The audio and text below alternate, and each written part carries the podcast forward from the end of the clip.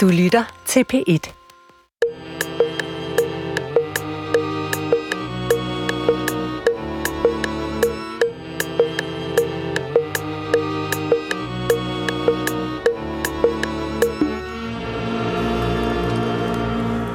Goddag, mit navn er Peter Lund Madsen, og rigtig hjertelig velkommen til Hjernekassen på PET.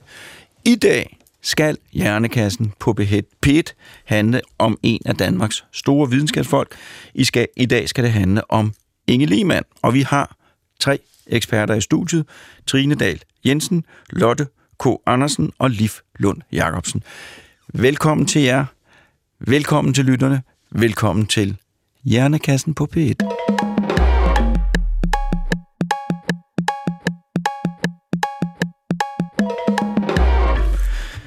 Første gæst, Trine Dahl Jensen, seismolog på GEOS, Geofysik og sedimentære bassiner er afdelingen, og det er jo Københavns Universitet. Tak fordi du vil komme. Var det korrekt præsenteret? Nej, jeg er ikke på Københavns Universitet. Jeg er du... på GEOS, som er det geologiske undersøgelser for Danmark og Grønland.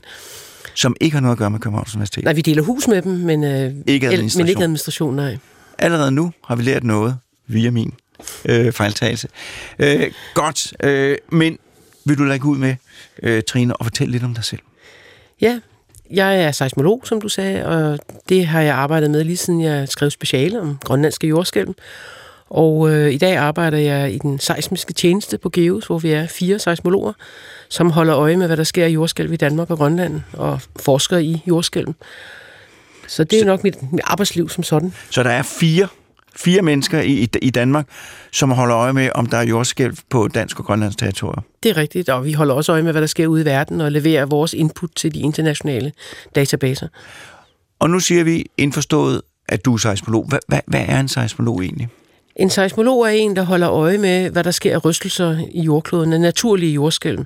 Det er sådan så, at øh, der sker hele tiden jordskælv øh, rundt omkring på, jord, på, på, på planeten. Mest ved de pladetektoniske grænser, men også alle mulige andre steder.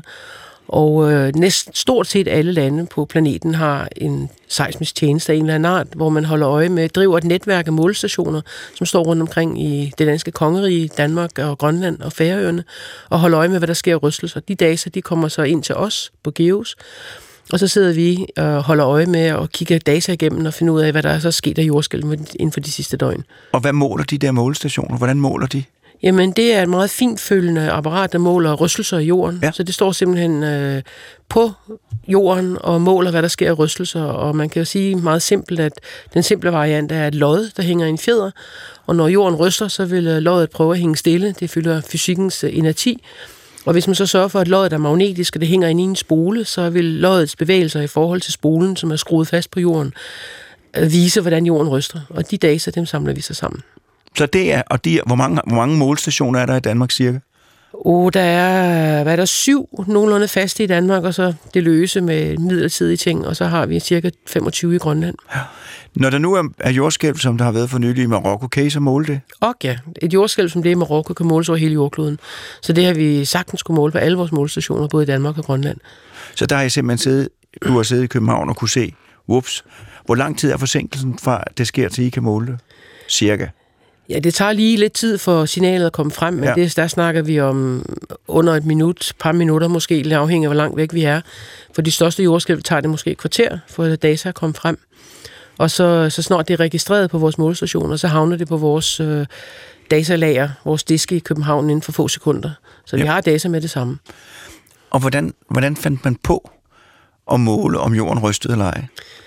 Jamen det gjorde man jo, øh, altså det startede vel egentlig de steder, hvor øh, der sker jordskælv, hvor det er farligt for jordskælv. Den allerførste måling af jordskælv, vi kender til, den er fra 800 et eller andet i Kina, hvor øh, der var sat en kæmpestor krukke op, og øh, i den hang der et lod, og det svingede jo så, hvis der skete et jordskælv. Og så var den her krukke sindrigt indrettet med drager på ydersiden, som havde en kugle i munden. Halen var så på indersiden, og så loddet svingede, så ramte det halen på de her drager, som så spyttede kuglen ud i munden på en, en frø, der sad nede foran.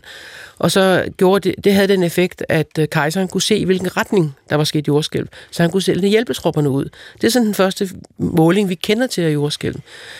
Målinger, som vi kender det i dag, hvor man kunne tegne ned på papir, det er noget, man kom frem til i slutningen af 1800-tallet. Okay. Vi skal jo tale om Inge Lehmann i dag. Det skal vi. Og øh, hvad er sammenhængen mellem målinger af jordens rystelser og det, Inge Lehmann fandt ud af? Ja, man kan starte med at sige, at øh, da Inge Lehmann kom til, om så må sige, hun blev bedt om at starte en seismisk tjeneste i Danmark, for at måle rystelser i Danmark og især Grønland. Og der var mange andre aspekter i det, som jeg vil overlade til andre at snakke om. Men øh, Inge Lehmann blev hurtigt dygtig til at aflæse seismogrammerne, altså se på de signaler, der kom i rystelserne, og finde ud af, hvad der var op og ned på dem. Og øh, hun opdagede jo så, eller hun skrev en artikel i 1936, hvor hun øh, foreslog, at jorden havde en indre kerne, altså en ny struktur, en ny model for, hvordan jorden så ud. Og det gjorde hun ved at, øh, at se på nogle signaler, som folk godt vidste var der, men hun havde så den evne, at hun kunne sige, hvis man nu skal forklare de her signaler, så skal jorden have en yderligere en indre kerne i sig, for at man kan forklare det her. Det er jo sådan, så inden for fysikkens verden er det jo sådan, at den model, vi, altså det vi ved, om jeg så må sige, det er kun den forklaring, den model, der bedst forklarer de observationer, vi har. Og Inge Lehmann, hun lavede så det, et, man kan kalde det et lille paradigmeskift i, hvordan vi kender jorden. At for at forklare de her observationer, som man vidste var der, men ikke kunne forklare, der sagde hun, at hvis man nu ved, at jorden har en indre kerne, så kan man forklare de her observationer. Og, øh, og det har jo så vist sig at være rigtigt. Og jorden har en, ikke kun en kerne af jern og nikkel, men inde i den flydende kerne af jern og nikkel, er der en kerne, der er fast, hvor hastigheden er lidt hurtigere end i den flydende del. Og det var det, Inge Lehmann, hun indså og publicerede i 1936. Og det er jo altså en, en, en, en, en måde, altså der har hun jo så gjort det, som er det smukke ved videnskaben øh, og lave om på det, vi troede, øh, fordi det ikke passede til det, man kunne måle og se. Og det er jo derfor, at videnskaben, når den fungerer, er så effektiv, den er hele tiden klar til at finde på bedre forklaringer, hvis de gamle ikke passer. Jamen, det er jo det smukke. Man står på hinandens skuldre, ja. og man laver en ny model, når den gamle ikke passer. Det er jo sket mange gange i historien. Galilei for eksempel var en af dem, og Inge Lehmann er en af dem. Så indtil Inge Lehmann der troede man, at jorden den havde en skorpe af jord, og så var det flydende. Og hun kom så og fortalte, at det, det kan simpelthen ikke passe med det, man måler. Der må være en fast, fast kerne inde i midten. Ja, det er så helt, helt rigtigt, hvad du siger, fordi at man vidste, inden Inge Lehmann kom til, at jorden havde en skorpe og en litosfære, som er den faste del af jorden. Og så var der jordens kappe, som også er et fast materiale, men som dog kan i geologisk tid kan flyde. Det er det, der driver vores øh, pladetektoniske bevægelser.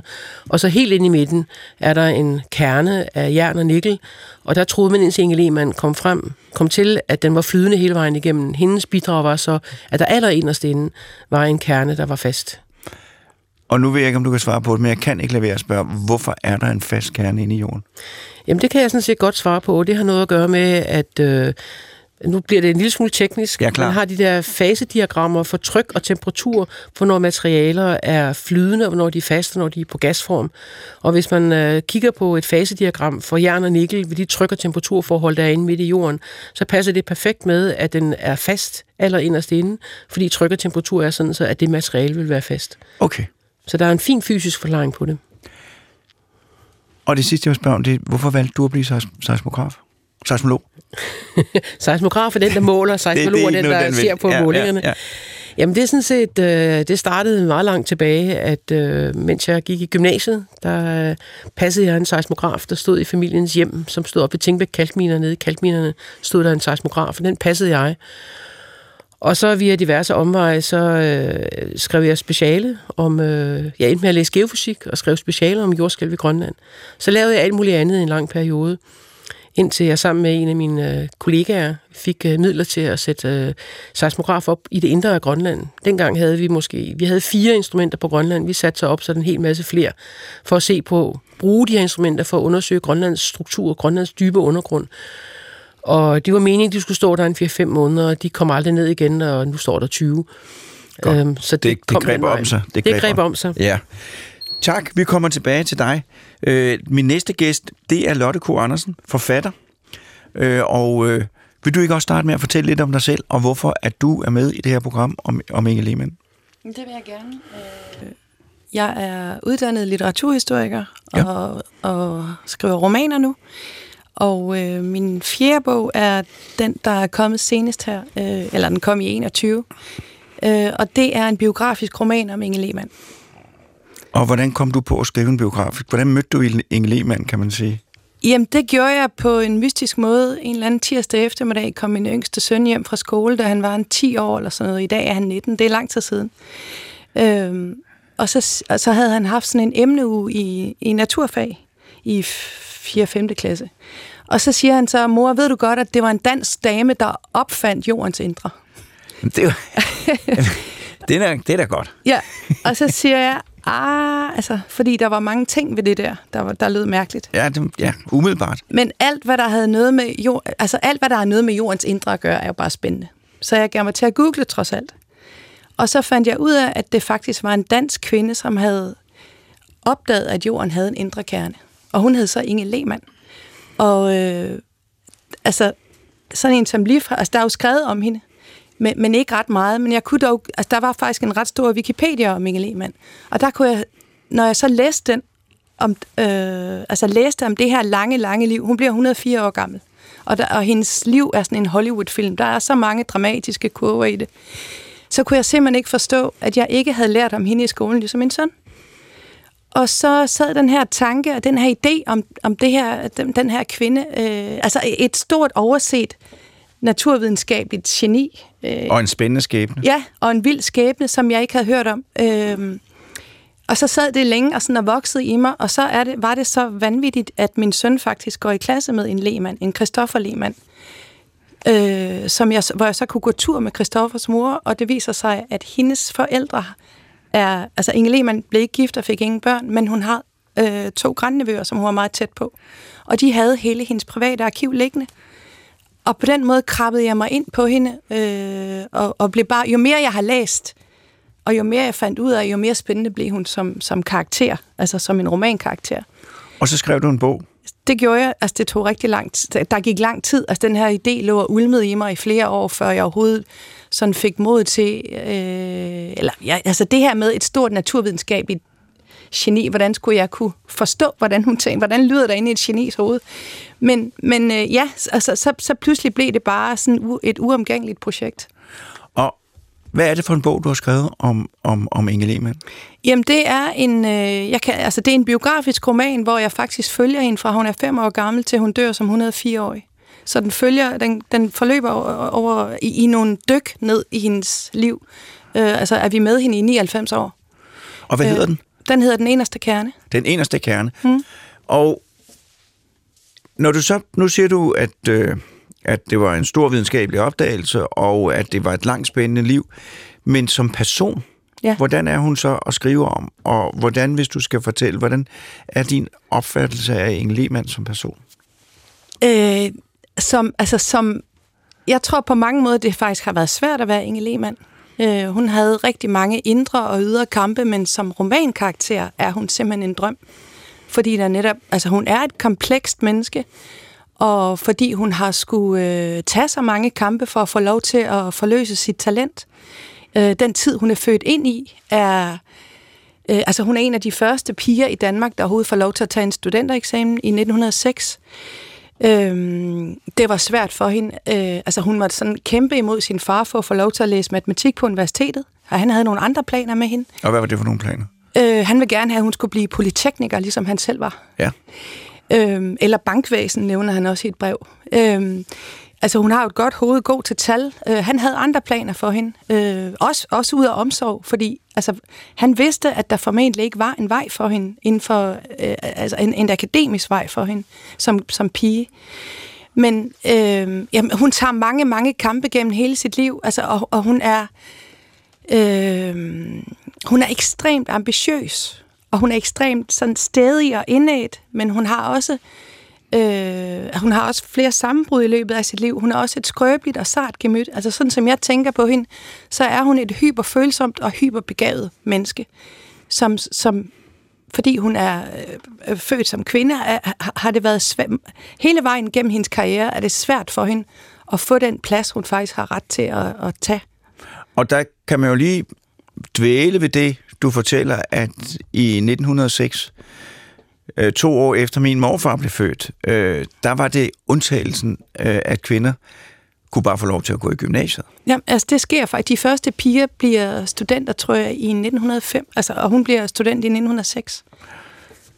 Min tredje gæst, Liv Lund Jacobsen, markerer. Ja, jeg vil bare lige sige, at det er faktisk på det her tidspunkt, lige før Inge Lehmann, der skal piger gå to år mere i skole, før de kan tage en gymnasiel uddannelse, fordi de jo ikke er lige så veludviklede som drengene. så hun er den første, der kan tage den på, øh, uddannelse, gymnasiel uddannelse på en nomineret tid. Mm. Så, så piger er ikke så veludviklet som drenge, når de er 17 år. Det kan, jeg, det kan jeg så sige, at det, det er der flere. Det var, det, det var lovgivning. Ja, det var lovgivning.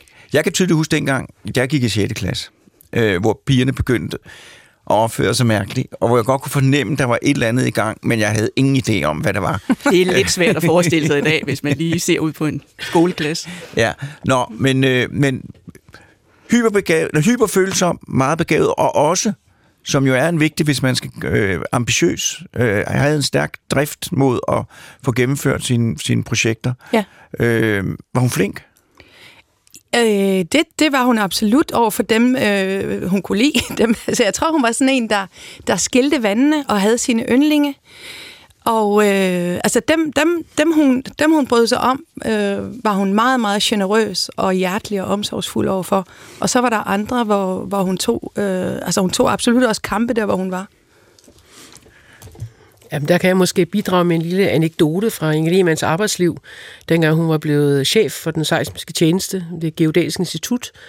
Der havde hun en medarbejder, der hed øh, Møller, som passede øh, instrumenterne, skiftede papir og sådan nogle ting. Og, øh, og der forlyder det fra mine kollegaer, som har kendt Møller, at øh, når Inge Lehmann ringede, så stod man op og talte i telefon med Inge Lehmann. Man blev ikke siddende. Hun havde respekt om sig på den måde. Jeg står også, når Morten, min redaktionschef, ringer, så står jeg også op, øh, når han ringer og spørger, om jeg har skiftet, om jeg har skiftet papirerne i printeren.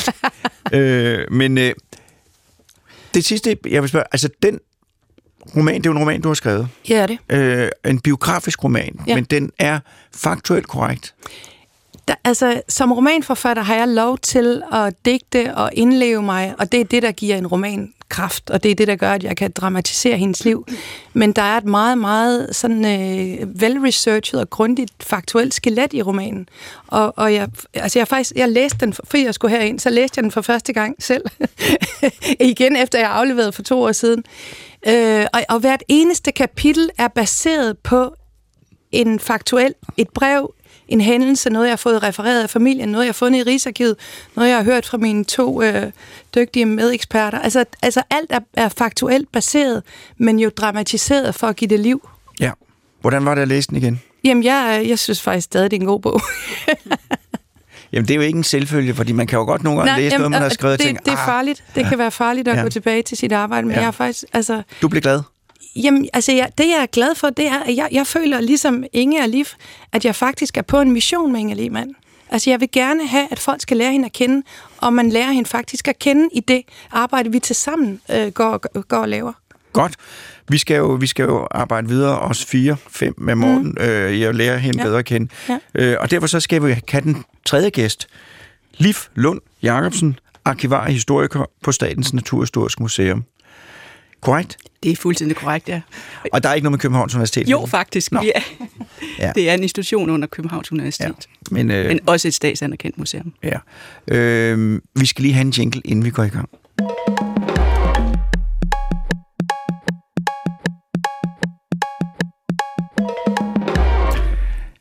Det er Hjernekassen på P1, og i dag der handler det om en stor dansk videnskabskvinde, Inge Lehmann, og øh, vi har hørt noget om videnskaben, hun arbejder med, og noget om, ganske lidt om, hvem var. Og nu skal vi tale med den tredje af mine gæster, gæster Lis, Liv Lund Jacobsen, øh, og du er historiker og arkivar på det Naturhistoriske Museum. Og mit første spørgsmål, det er jo, altså, hvad laver, hvad laver en historiker og en arkivar på et Naturhistorisk Museum? Det er jo noget med udstoppet dyr og planter og ting i sprit og sten og valskeletter.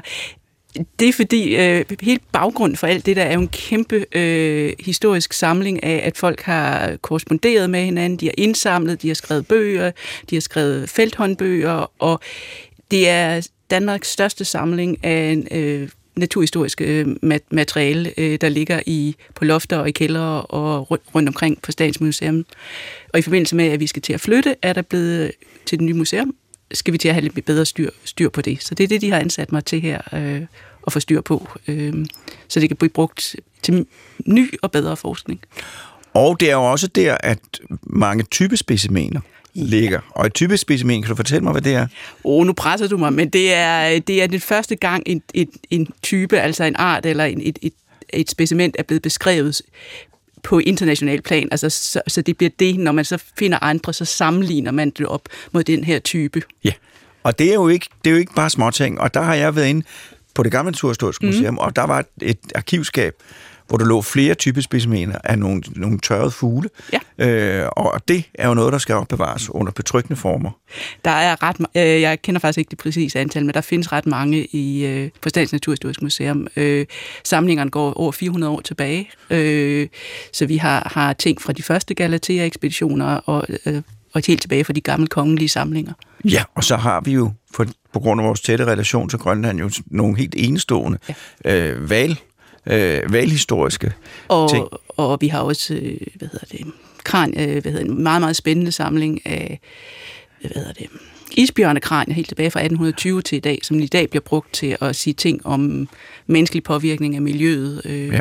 Altså jeg kan sige, at hvis I, at det er sikkert ikke, nogen, det er ikke noget godt generelt råd, men hvis I bare stiller det hele frem, så vil jeg virkelig gerne øh, have lov til at gå rundt der og kigge øh, på alle de ting, der det er fantastisk. Altså, det er virkelig fantastisk, hvad der ligger. Der lugter lidt stramt af, af, af, af forskellige ting, øh, men, men det er et fantastisk sted. Ja. Øh, så jeg er meget misundelig. Ja, men jeg er også meget glad for at arbejde, og jeg kan sige, det jeg arbejder med har primært været uregistreret, fordi der, der har ikke været så meget fokus på det. Det har været på de naturlige specimenter, så øh, jeg graver nogle virkelig, virkelig spændende frem ting, bogstaveligt stand i øjeblikket. Jeg har engang, jeg har en meget god ven, øh, en anden Morten, og vi var engang på jagt efter en karusse, som havde fået noget snor viklet rundt om sig, og som havde udviklet en meget mærkelig kropsform, som i gamle dage var udstillet på Teknisk Museum, men som, nej ikke Teknisk Museum, Danmarks Akvarium, men som siden er forsvundet desværre. Nå, sidespring. Øh, hvorfor, når du har alle de valkranier og alle de isbjørnekranier, øh, hvorfor er det så Inge Lehmann, du sidder og fortæller om i dag? Ja, men det er fordi min, min historie med Inge Lehmann starter tilbage i en snestorm i 2012, tror jeg. Øh, fordi jeg har et postdoc-projekt på Aarhus Universitet. Jeg ankom, øh, kom hjem fra Australien, øh, hvor jeg har taget min Ph.D., og jeg skulle skrive noget om seismologi i Grønland. Øh, og så fortæller mit at der er der kun én seismolog på det her tidspunkt. Det, var, det skulle være seismologi under den kolde krig, og vi ved ikke rigtig noget om hende. Og så tænkte jeg, det kan godt blive et ret træls postdoc-projekt, det bliver sgu svært. Men så fik jeg fat i øh, Geus, øh, og fik, hørte rygter om, at en tidligere kollega til Trine, øh, Erik Jordenberg, øh, havde noget liggende, øh, havde fået testamenteret nogle dokumenter fra, hendes, øh, fra Inge Lehmann selv. Øh, og så den her famøse snestorm, det er, at han inviterer mig til, til sin 81-års fødselsdag. Så, øh, og jeg så jeg kommer der ud, og så har jeg 81 fødselsdag, års fødselsdag, og så peger familien hen på, på et på en kommode, der står i entréen og siger, at det er der, det ligger. Og så, så skal jeg ellers prøve at lade være med at gå hen og blad, øh, sætte mig ned og bladre i den kommode og være en venlig gæst og snakke med alle øh, de tilstedeværende. Øhm, men det bliver så min, starten på min relation med det, fordi øh, Inge øh, Jordenberg, han er ældre og skrøbelig på et tidspunkt, så får vi en aftale om, at han afleverer alle de her dokumenter til Rigsarkivet. Jeg har også lejlighed til at kigge i dem. Øh, og i, i løbet af mit postdoc-projekt får jeg så også øh, mulighed til at rejse en del til USA, hvor jeg forfølger hendes karriere derover, som der ikke er så mange, der har været i. Og der viser det sig, at hun er ret veldokumenteret i forskellige arkiver, øh, fordi, fordi hun var den her internationale skikkelse, som, som korresponderede med Gud og hver, hver mand, så selvom vi ikke har det i Danmark, så har vi ofte hendes brev i USA, øh, i USA eller andre steder. Øh, og det begynder det er egentlig min fascination af hende, og jeg bliver ved øh, for arbejder, har et Carlsberg-projekt efter, en Carlsberg-projekt efterfølgende med hende. Så du finder ud af, fordi du skulle finde ud af noget med noget seismologi øh, under 2. Øh, verdenskrig. Ja, kold, kold krig. Altså. Øh, kold krig, og så er der, er der lige pludselig den her person op, som ja. er vigtig og fascinerende. Og, og ingen... som ikke ved noget som helst, og der findes nogle få oplysninger, som stammer fra hendes, en nekrolog, en af hendes kollegaer skrev, og de bliver bare gentaget og gentaget og gentaget, og der er ingen, der egentlig kan finde ud af, om de er sandt eller ej. Øh, og så får jeg så adgang til hendes meget, meget store personlige arkiv, som er, det er hendes arbejdsarkiv. Altså det er ikke, der er ikke, ligger ikke nogen breve til familie og sådan noget i. Der, der skældede hun, hun jo meget. Altså det, så det var hendes videnskabelige arv, hun sådan her videregav, og jeg kunne så også følge hende via hendes ansættelse på KU og øh, det professorat, de 52, som hun ikke fik, og hele, anmeld, øh, hele bedømmelsesudvalgets interne udtalelser og sådan noget. Så det blev, det blev noget af en skattejagt, og det blev ret sjovt, og der kom ret mange øh, forskellige typer informationer øh, om hende frem. Øhm. Og hvis du øh, skulle sige ganske kort, nu har du så øh, været mødt hende fra en anden synsvinkel. Mm. Øh, hvordan var hun som, som, hvad var der karakteriseret Inge Lehmann som videnskabskvinde? Altså min store interesse i hende har jo været, øh, øh, hvordan seismologien bliver etableret i Danmark som forskningsfelt, og hvad det betyder, øh, hvilken betydning Grønland og seismologi får under den kolde, kolde krig, som øh, sådan i nuklear, øh, i nuklear sammenhæng omkring detektion af nukleare våben. Øh, og hele det der internationale samarbejde, hun har. Så, så som person, og, og det er, det, det er et indtryk, der øh, hun efterlader mig, det er, at hun er enormt ambitiøs. Øh, og hun er hun vil videnskaben 110 procent. Intet offer er for stort for, for den, her, øh, den her videnskabelige, den hellige videnskabelige ånd at skaffe de bedste resultater. Øh, også selvom det koster helbred og, og personlige relationer. Og hun har ingen, øh, ingen tålmodighed med folk, der ikke er øh, lige så skarpe som hende. Øh, for så må de bare strænge sig bedre an. Øh, men hun er også højt respekteret internationalt ind i, i fagkredse, øh, og er jo i årtier den eneste kvindelige seismolog på verdensplan af no, nogen som helst betydning, og, og sidder med i alle råd og udvalg. Og det er en af grundene til, at hun er langt, langt mere kendt i andre lande end i Danmark, øh, for, fordi man værdsætter, man værdsætter de der internationale relationer højere. Men altså, hun er enormt ambitiøs. Det kan man jo være på to måder. Og jeg vil sige den rigtige og den forkerte. Øh, og jeg vil starte med den forkerte. Det er jo, at man kan være enormt ambitiøs, fordi man gerne vil være professor for det største laboratorium og have den størst mulige magt. Det bliver der spildt mange ressourcer på den form for ambitioner. Øh, og så den, den, den rigtige ambition, det er, øh, som min gamle chef også havde, som er, at vi må finde ud af det. Øh, og, og det er jo, det, jeg bliver helt rørt, når jeg tænker, og jeg elsker den form for ambitioner. Og jeg er, det, er, det er den slags mennesker, man skal omgive sig med. Øh, og det var den sidste. Ja, helt, helt klart. Man havde. Jeg har, jeg har et, der findes et meget, meget, øh, jeg, skal, jeg skal prøve at citere for hukommelsen, der findes et rigtig smukt øh, brev, hun skriver til sin chef Erik Nørlund, øh, chefen for den øh, geodæ, hvad hedder det, øh, Geos, eller ikke, hvad hedder, Geodæisk Institut, tak, øh, hvor hun da hun har fået stillingen som chefseismolog i 19, eller som leder af den seismiske afdeling i 1928, så skriver hun noget i retningen til ham tak. Øh, jeg havde, det er jo en fantastisk at få en stilling, hvor man kan yde sit et og alt. Jeg havde jo frygtet, at jeg måtte arbejde blot for penge. ja, og det er der nogen, mange, der kunne lære noget af. Ja. Ikke mindst. Nej, også mig selv. Øh, hvad det hedder. Øh, så nu har vi lavet en introduktion. Jeg, sidder, altså, jeg må bare sige, at mens jeg har talt med jer, så har jeg tænkt på tre nye emner, emner til, til hjernekassen. Øh, men det er Inge Lehmann, det handler om. Og der vil jeg, vil jeg, vil jeg spørge dig, Lotte, om, kan du fortælle noget om hendes baggrund og hendes, øh, og hendes opvækst, indtil hun, hun starter den videnskabelige løbebane? Ja, det kan jeg godt. Altså, hun er født ind i sådan en, øh, en, en øh, dannelsesmæssig og uddannelsesmæssig stærk øh, familie. Hendes, altså hendes fars familie er sådan en øh, familie af diplomater, professorer, øh, netop ambitiøse mennesker, der, der er med til at sætte en dagsorden der, hvor de kommer fra. Oprindeligt er de fra Tyskland, og hele hendes, hans familie går... Altså, da hendes oldefar kommer til Danmark, og han... Øh, jeg tror, det er ham, der... Han kommer til Danmark fra Tyskland, øh, faktisk også, fordi han er blevet forbigået til et professorat. Men han kommer til Danmark og, og bliver hurtigt venner, personlige venner med H.C. Ørsted. Han reformerer det danske fyrvæsen. Og hans, øh, en anden, øh, Inge Lehmanns farfar, øh, indfører det, øh, øh eller telegraf, telegrafvæsenet i Danmark. Øh, Orla Lehmann er hendes onkel. Han, øh, han øh, øh, går i kamp mod, går i fængsel i sin kamp mod enevældet og øh, er med til at etablere grundloven. Altså, det, det er kultureliten. Det, jamen, det hele, den, hele det her, det ligger i hendes, øh, i hendes slægt. Ja. Øh, men hun har så det uheld at være født som pige. så, så det er sådan en, en, en, øh, en familie af, af, af store mandlige forbilleder.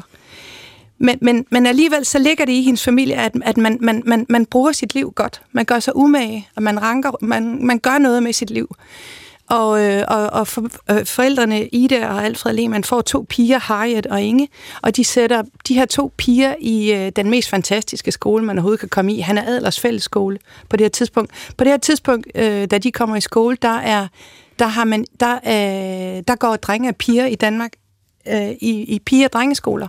Men her, han er, han er adler, mener, at piger og drenge skal opdrages og uddannes sammen og de er ligeværdige. De er lige gode, de skal have samme muligheder. Og de her to piger skal selvfølgelig i hendes skole. Og hun er jo et øh, Danmarks første øh, magister i fysik. Altså, så det er altså hele den her sådan, naturvidenskabelige arv ligger i hende lige fra starten.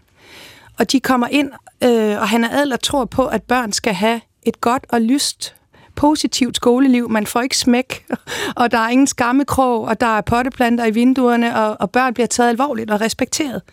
Så, så de bliver nørset. Altså Inge Lehmann har en rigtig, rigtig god start på sit uddannelsesforløb, og går derfra fra første klasse til 3.G.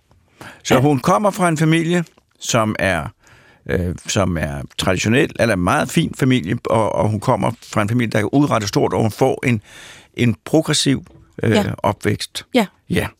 Vil du sige noget, Liv? Det er, det er kun for at sige, at den anden halvdel af Inge Lehmanns øh, ophav, det er jo også Tøslev-familien, som er meget aktiv i kvinde, øh, ja. kvindebevægelsen. Mm. Øh, og hun er jo i familie med Groserne, øh, som den dag i dag er en betydningsfuld familie i dansk kvindesamfund. Så hun har også, øh, fra mødernes side, har hun mm. også en meget stærk sådan, øh, kvinder kan og, og bør, øh, bør have ret, øh, og den tager hun også med sig. Og der er, også, der er også noget trods og stedighed i det, fordi netop moren kommer fra sådan en boghandlerfamilie i Slagelse, men moren havde ni søskende og fik ikke selv lov til at gå i skole, fordi hun havde alle de her søskende, og drengene kom først. Så der er også et eller andet med, at hun, der ligger en pligt til at bruge de, de muligheder, hun har. Godt. Så da faren anbefaler hende at blive civilingeniør, øh, så er det ikke fordi, at så er det, som du siger, øh, jeg kan ikke huske, hvem er det sagde, det er omsorg, fordi at han kan simpelthen se, at en traditionel akademisk karriere, det, den er ikke mulig for Ik- Ikke på det her tidspunkt. Ja. Og ikke inden for hendes felt. Og vi skal også regne med, at på det her tidspunkt var det et vel etableret fakt, at kvinder øh, hjerner var ikke, og psyke var ikke veludviklet ja. til det her øh, pres, det var at læse på universitetet og performe på den her måde. Altså, i, i, det er den her verden, og han, der er det er faktisk øh, Lotte, der har vist mig et virkelig fint brev, hvor han forklarer, at han har snakket med alle sine venner, øh, på øh, professorvenner, og han har, de har en lang række af eksempler på de her virkelig dygtige kvinder, som nu er knækket, fordi at deres biologiske køn er jo imod dem. De kan jo ikke gennemføre en, en universitetsuddannelse. Og han vil jo så nøde have, at det sker for hende, fordi han holder jo så meget af hende. Ja, så, så, og han, han, forsker, ja, han forsker jo faktisk i sammenhæng mellem øh, hvad han kalder det intellektuel øh, udmattelse og, og krop. Han er jo en af de første, han er den første professor i psykologi. Ja. Så han er stressforsker. øh, ja, faktisk. Øh, men det er jo altså, nu understreger vi lige, at det er jo ikke mere end lidt over 100 år siden. Nej. At det simpelthen var et alment accepteret idé, vil jeg sige, at, at kvinder var sværere intellektuelt udrustet. Det var, det var et videnskabeligt faktum. Altså, det, var, det, var, det, var, det, var jo, det var forskere på universitetet, der havde siddet og skrevet afhandlinger om det her faktum, øh, om, om, om hvordan, og det var jo noget med, med biologien i kvindekøn, øh, den kvindelige krop. Jamen på det tidspunkt, Inge Lehmann bliver student i 1906, og lige præcis i 1906, der udsender Lægeforeningen sådan et, øh, et statement, øh, hvor de skriver, at øh, det frarådes unge kvinder at læse, fordi det kan deres ovarier tage skade af. Altså, altså man fraråder familiens læge, det kan man se i brevene. Da hun, øh, senere der tager Inge Lehmann til Cambridge for at studere. Og der må hun tage hjem, fordi hun, hun altså, man vil i dag sige, at hun havde fået stress. Og hun kunne simpelthen ikke magte de, de, de krav, hun stillede til sig selv. Og i øvrigt fik hun, det var helt uretfærdigt, den måde, hun skulle tage den her eksamen på et år. Men da hun kommer hjem, så kan man se i, i brevene med familiens læge, Dr. Hassing, at han skriver til forældrene, at jamen, vi ved jo alle sammen, at det er skadeligt for unge piger at læse. Og der er en meget vigtig, der er mange vigtige øh, pointer i det her, men en anden vigtig point er, at selvom videnskaben siger noget, så er det ikke sandt. Og det har jo at gøre med det, vi talte om før, at det smukke videnskaben, det er, at den retter sig selv, når den tager fejl. Men det forhindrer ikke, at videnskaben tager fejl. Og selv i vore dage, så det, at der er videnskabelig enighed om noget, behøver ikke nødvendigvis at betyde, at det er sandt. Og øh, så vil jeg sige som den sidste ting, videnskabelig sandhed bliver jo ikke afgjort demokratisk. Det er ikke sådan, at der, hvis der er ni videnskabsfolk, der siger det ene, og en, der siger det andet, så er det det ni, der har ret. Nej, det er den, som er bedst til at analysere data og finde den underliggende sandhed, der har ret. Øh, og så vil, øh, og så vil, øh, vil Vitrine gerne sige noget. Jamen, jeg vil sige, Inge Lehmann er jo et fremragende eksempel på selv at illustrere, at videnskaben kan tage fejl og få den rettet. Ja. Og øh, i den sammenhæng, altså hun havde jo svært i sin tid, men øh, som jeg tror, det var dig, Lift, også sagde, hun var jo respekteret i, sin, i fagkredse gennem hele sin karriere, fordi hun faktisk var dygtig til det, hun lavede. Hun var en dygtig seismolog, og hun var meget, meget dybt respekteret.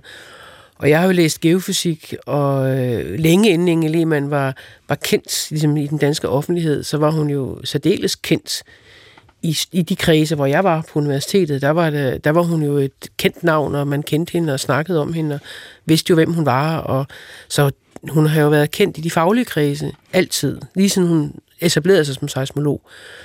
Det er offentligheden, og især i Danmark, som vi også har snakket om, der ikke kendte hende. Og jeg synes, det er dejligt, at man, hendes kendskab, kendskab til hende er begyndt at komme frem, både Jamen, ved, ved Lottes bog og alle mulige andre ting. Men det er min fornemmelse, at det er øh, under meget hastig øh, vækst. For det er også fordi, der er jo det, der skal til. Der er jo både store resultater og et fascinerende liv, og det er jo, altså, nu sidder jeg og siger et eller andet, men, men altså, det, nogle gange, hvis, hvis, man nogle gange, øh, hvis man nogle gange kan sige, hvorfor, hvorfor er øh, damerne så, så optaget af det her, så kan man jo minde sig om, at det ikke er mere end 100 år siden, at man simpelthen begrænset, altså aktivt begrænset halvdelen af, af landets befolkning voldsomt i deres udfoldelsesmuligheder, øh, på baggrund af nogle altså fuldstændig gakkede teorier. Øh, og, øh, og, og altså, derfor så er, det jo, så er det jo vigtigt. Jeg synes, det er også vigtigt, at man får, får, får understreget, hvor kort tid siden det er, øh, øh, at øh, sådan nogen som min morfar øh, bestemte over, hvordan tingene hang sammen. Han mente jo ikke, at min mor kunne lære at køre bil. Øh, hvilket gjorde han meget nervøs, når hun kørte bil. Øh, hvilket fik mig og min bror til at få mange skideballer, men altså, det, det, det er jo også en, et mærkeligt synspunkt, at kvinder, de kan ikke køre bil.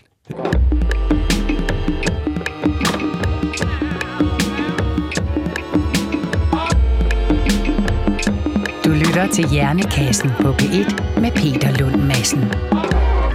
Og i dag der handler det om Inge Lehmann, og vi har talt noget om hendes barndom, som bortset fra det, at hun var kvinde, må man sige, vil jeg sige, er særdeles privilegeret. Øh, er der nogen, der vil fortælle om, at jeg tre, og det er mine tre gæster, Trine Dahl Jensen, øh, Lotte K. Andersen og Liv Lund Jacobsen, er der nogen af jer tre, der vil fortælle om min videnskabelige karriere? Det vil Trine. Ja, det vil jeg gerne, fordi at, øh, jeg sidder jo i den seismiske tjeneste i dag, som er den Inge Lehmann etablerede, så vi bruger jo stadigvæk hendes videnskabelige resultater. Måske ikke så meget hendes publikation om jordens indre kerne, som er den, hun er meget berømt for, berømt for, men øh, mere hendes arbejde med danske jordskælv, som hun arbejdede med i den tid, hvor hun var øh, chef for den seismiske tjeneste. Der ligger der publikationer, som samler og definerer og strukturerer, hvad vi ved om danske jordskælv, både i den tid, vi har målt, men også i den tid, hvor man må forlade sig på folks beretninger. Og de publikationer med de lister, hun etablerede dengang, dem bruger vi jo så stadigvæk.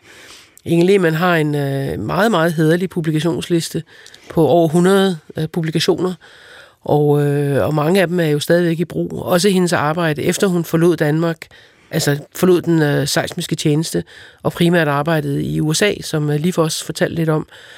Hun blev mere eller mindre headhunted til at, at komme til USA, hvor hun arbejdede med, øh, hvordan rystelser udbredte sig i jordens kappe, den øverste del af jorden.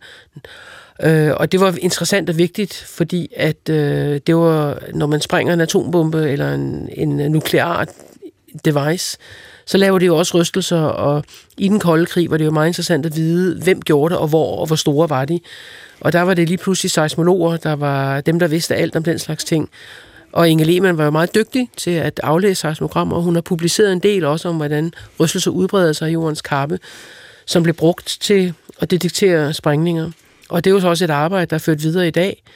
Øh, I dag ligger der, findes der en, øh, en FN-resolution omkring at holde øje med sprængninger, øh, atomprøvesprængninger, som Danmark også er med i, og det er jo en direkte videreførelse af Inge Limans arbejde, og andres arbejde også tilbage i, i 60'erne, 50'erne og 60'erne. Og, øh, og det arbejder de også med videre med i dag i den seismiske tjeneste. Så hendes arv, den findes hos os. Nu siger du, at hun var enormt god til at aflæse øh, seismogrammerne. Hvad, hvad, hvad ligger der i det? Hvordan ser sådan et seismogram ud, og hvordan kan man være god til at aflæse det? Et seismogram, det øh, er i hendes tid, var det en streg på et stykke papir, som øh, nogle gange lavede nogle udsving. Ja. Og de udsving kunne komme fra mange forskellige ting. De kunne komme fra en bil, der kørte forbi, eller nogen, der sparkede til seismometeret. Eller det kunne stamme fra en rystelse, der kom et eller andet sted fra, fra en sprængning eller fra et jordskælv. Og når der sker et jordskælv, så kommer der mange forskellige slags rystelser, der kommer frem til en seismograf et eller andet sted. Og hun havde en særlig evne til at kunne sælge, hvad det var for typer af rystelser, der kom frem. Var det en rystelse, der var gået direkte fra jordskælvet og over til seismometeret, havde været en tur ned igennem kernen og kom op igen, eller hvad det nu var for en type rystelse. Der var hun meget, meget dygtig til at kunne liste ud, hvad det var for en type rystelse, der kom. Hvad var der for en fase, der kom frem på det her tidspunkt. Så hun var simpelthen øh, dygtig til at gennemskue, hvad der skete, havde en, en som jeg opfatter, en dyb forståelse af, hvordan rystelse udbredte sig i jorden, og det er jo også det, der gjorde, at hun kunne komme med den her tanke, at jorden havde en indre kerne, som jo har vist sig at være helt korrekt. Så det er en blanding af at have set på enormt mange af de her kurver, kombineret med en enorm viden om, hvordan de udbreder sig, der gør, at man simpelthen kan, kan, kan få så meget ud af det. Du markerer lige. Øh, ja, det var bare for altså, at sige, altså, i, i, da hun var chef for den seismiske afdeling, der var hun jo den eneste akademiker. Altså, hun, hun, havde, hun havde stationsforstander i Grønland og ude på Vestvolden, m, som lavede de forløbige aflæsninger, men hun fik jo alle seismogrammerne sendt hjem og aflæ- øh, tjekkede selv aflæsningerne og sådan noget. Og hun var, hun var meget... Øh, opmærksom på, at hun altid selv skulle, skulle lave aflæsningerne, for, for, for ligesom at fjerne biasen, så var den biasen i hvert fald ens, ja. for så var det altid hendes bias, ja. øh, der var i data.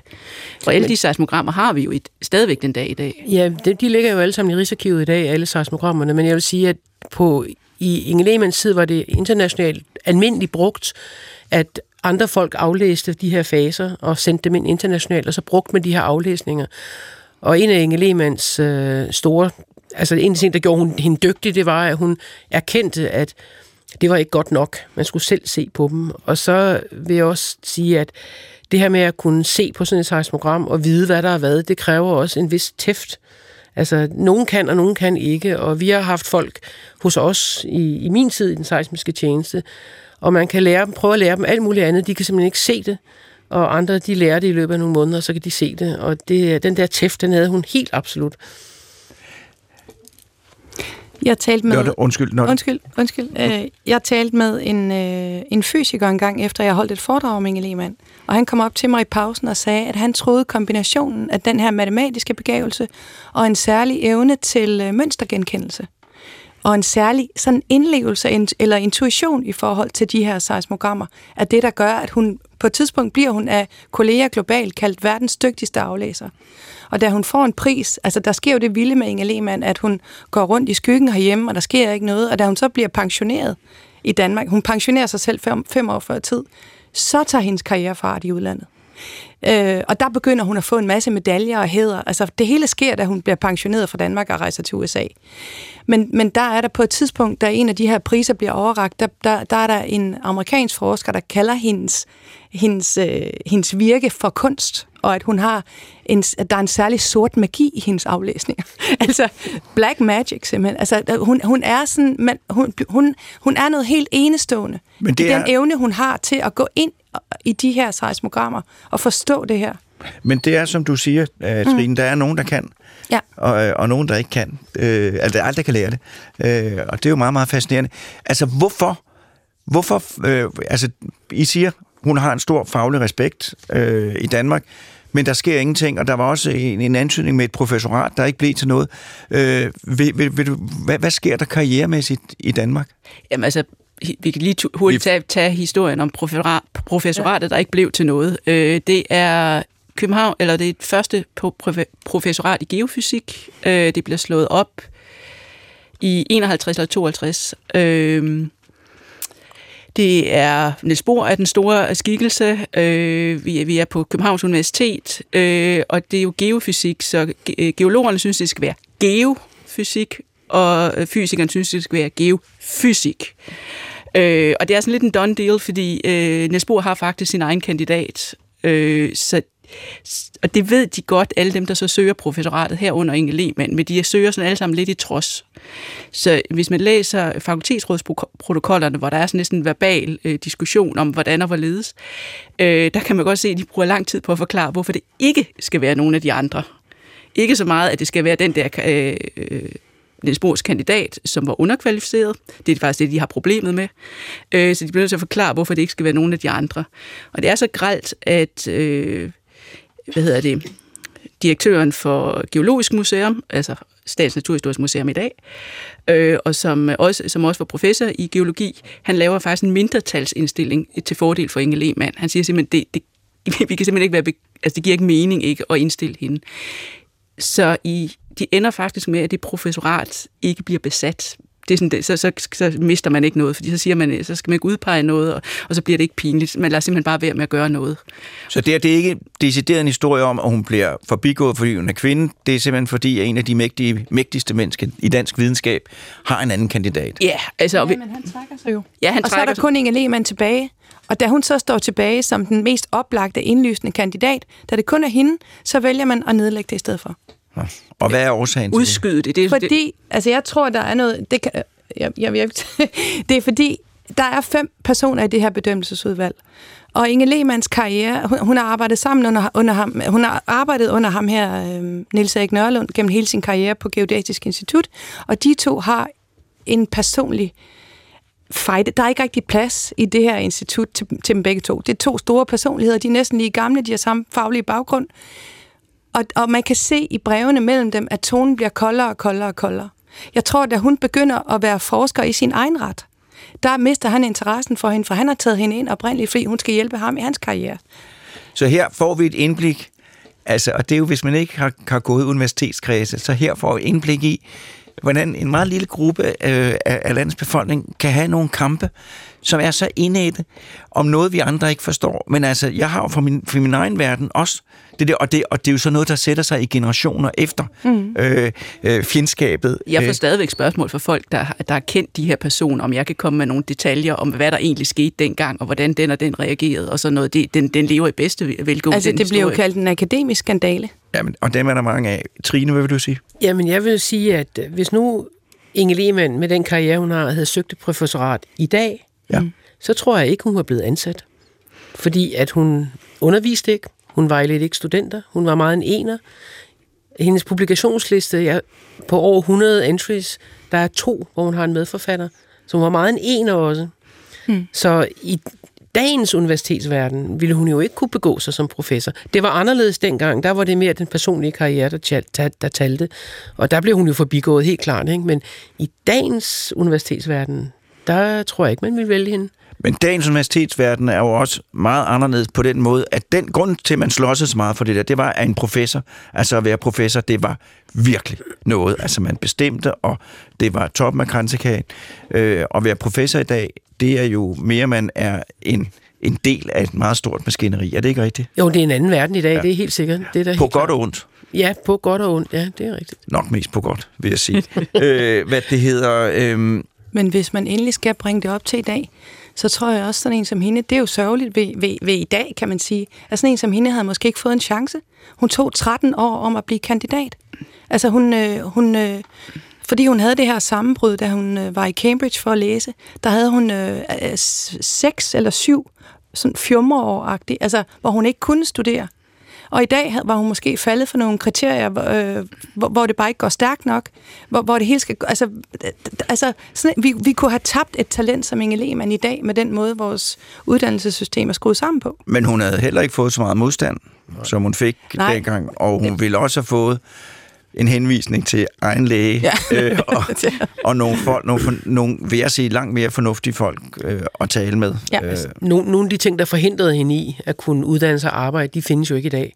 Så jeg tror, hun ville have haft altså, en, en kvinde med hendes talent i dag, hmm. ville blive nørset frem og forhåbentlig indse, at hun var dygtig og blive hjulpet i sin karriere. Det tror jeg da bestemt. Det kan jo godt være, at hun havde, hun havde fået nogle kampe, og folk var blevet meget vrede på hende, hvis, hvis hun var alt for ambitiøs, og i alt for høj grad forlangt, at folk skulle gøre sig umage 100%. Det kan man jo hurtigt løbe ind i problemer, hvis man har den. Oh, men det er jo også en karriereudvikling fra, at man er studerende til man bliver chef, ikke? Ja. Men øh, hvad betyder Inge Lehmann for, for det er sådan et dumt spørgsmål, nu kan jeg begynde på det, øh, og, og I kan godt komme med et godt svar. Selvom det er et dumt spørgsmål, kan jeg godt komme med et godt svar. Hvad betyder øh, Inge Lehmann for, for, for, for kvinder og kvindesagen i dag? Skal jeg starte ja, fra den videnskabelige vinkel? Altså, i dag er det jo sådan så, at, øh, at alle studerende inden for geofysik og også fysik bliver introduceret til Inge Lehmann, så de ved, hvem hun er. Og på den måde, altså det er jo stadigvæk i vores verden, sådan så i den geofysiske og geovidenskabelige verden, at, at man starter med at være nogenlunde lige mange mænd og kvinder i øh, studietiden og i de første postdoc løstansættelser, hvorefter det går ned ad bakke. Øh, og der er meget få kvinder i... Øh, altså når der når frem til professorat inden for, de, inden for geovidenskaben. Der er det godt at have forbilleder, og hun er stadigvæk et forbillede på den. Hvorfor den tror du, at kvinderne falder fra i karriereforløbet? Jamen det øh, er der faktisk nogle af mine kollegaer, både på GEOS og på øh, det Geologiske Institut, der har lavet en, øh, en, en, øh, en rapport om et projekt, de har gennemført for at kigge på det. Og det interessante ved det er, at, øh, at det faktisk ikke har noget at gøre med barsel og kvinder. Det har noget at gøre med, at... Øh, Altså en af tingene, der gør det, har de fundet ud af, en, altså det er virkelig en læsbar rapport, den her. Den handler om, at, øh, at når de her unge forskere, de her mænd og kvinder, så bliver mændene inviteret med i forskningssamarbejder og publikationssamarbejder meget, i meget højere grad, end kvinderne gør. Øh, det vil sige, at kvinderne så ikke får den publikationsmæssige udvikling, som deres mandlige kollegaer får. Det er en en vinkel. Den anden vinkel er jo også, at også i dag er det jo sådan så, at hvis øh, en ansøger ser sådan en liste med bullet points, man skal, vi foretrækker, du kan, bla bla bla bla bla. Hvis en øh, kvinde ser, at der er et punkt, jeg ikke kan, så søger jeg ikke. Det er rigtigt. Og mm. hvis en mand siger, at jeg kan to af de fem, jeg søger. Ja, den er, og den, den er lige, det er lige mig. Ja, men, den, den virker stadigvæk, og jeg har siddet med, med kvindelige øh, unge forskere, som har sagt præcis det der til mig, og det er altså ikke mere end nogle få år siden, hvor jeg sagde, kan du så klappe i og søge det her stof? Jamen, jeg, job, når jeg kan mærke det, når vi skal tale med folk, der skal være i jernkassen, øh, der er så mange gange, at man taler med en kvinde, og hvis hun ikke lige har lavet en doktordisputat som emne, så nej, det, det er ikke noget for mig. Og men, det, altså, bare de, bare, de, altså bare de kan læse overskriften på emnet, så det kan jeg nok godt sige noget om. Altså det er helt ekstremt så stor forskel, der er. Og der vil jeg sige, at kvinder de er alt for selvkritiske, og nogle gange er mænd øh, for lidt kritisk øh, over for sig selv. Øh, det er helt, det, det, det, det, det, det, det må jeg gøre noget ved. Jamen det afspejler sig jo også i, når man kigger på ansøgningerne øh, til videnskabelige stillinger, så er det jo sådan så, at der er en højere procentdel af de kvindelige ansøgere, som rent faktisk er kvalificeret.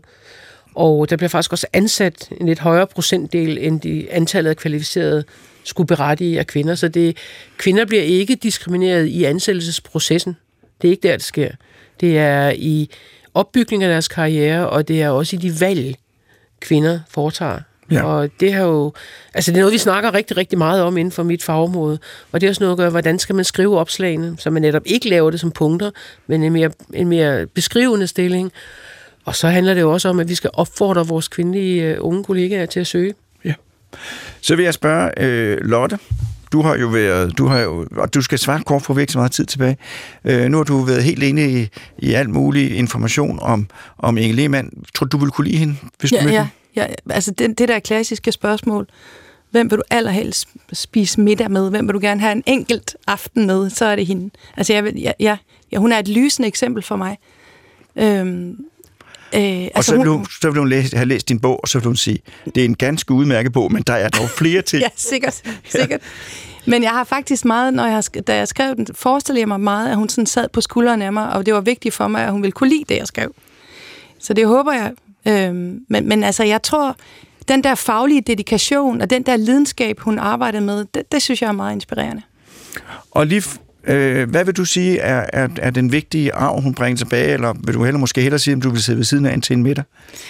Øh, jeg, jeg bliver lidt bange for at sidde ved siden af hende til en meter, tror jeg. Øh, jamen, hun bragte jo et videnskabsfelt op på et niveau i Danmark, hvor, hvor det, altså, der var ikke jordskælv i Danmark, så hvorfor skulle nogen interessere sig for det, og hun gjorde det til en, til en international verdens, altså, hun var jo blevet et verdensnavn på det. Øh, Så du vil sige noget, Trine. Det- Du får ordet om et øjeblik igen. Trine? Altså, jeg har jo faktisk truffet hende. Ja. Og det er meget kort. Hvordan var det? Det var meget imponerende. Jeg var meget imponeret. Hun havde læst en ansøgning, jeg havde skrevet. Hun var 102 år på det tidspunkt. Havde læst den, kunne kommentere på den fornuftigt og øh, give mig indspark til, hvordan hun mente, jeg skulle bruge den. Så hun var, da du mødte hende, fuldstændig det. Og Liv, du blev så nervøs over at skulle tale om at sidde ved siden af en til middag. Så, så, så hun har stor gennemslagskraft. Ikke? Ja, men hun er også, altså for mig som fagperson, er hun en vinkel ind til, til en verden, øh, set med, med de her, øh, en, en, en forsker, en kvinde, så, som, som vi ikke har ad- adgang til på anden måde. Så for så meget som forskningsinteresser er hun fantastisk givende og bliver ved med at komme med nye perspektiver. Tak, og tak fordi I tre kom, og vi kunne, have- der er så meget, vi kunne have snakket videre om, det er et godt tegn. Øh, men nu er tiden gået, som den jo gør. Tak til Morten Krøholt, fordi at du ordnede alt til perfektion. Og tak til lytterne, fordi I lyttede. Og på genhør.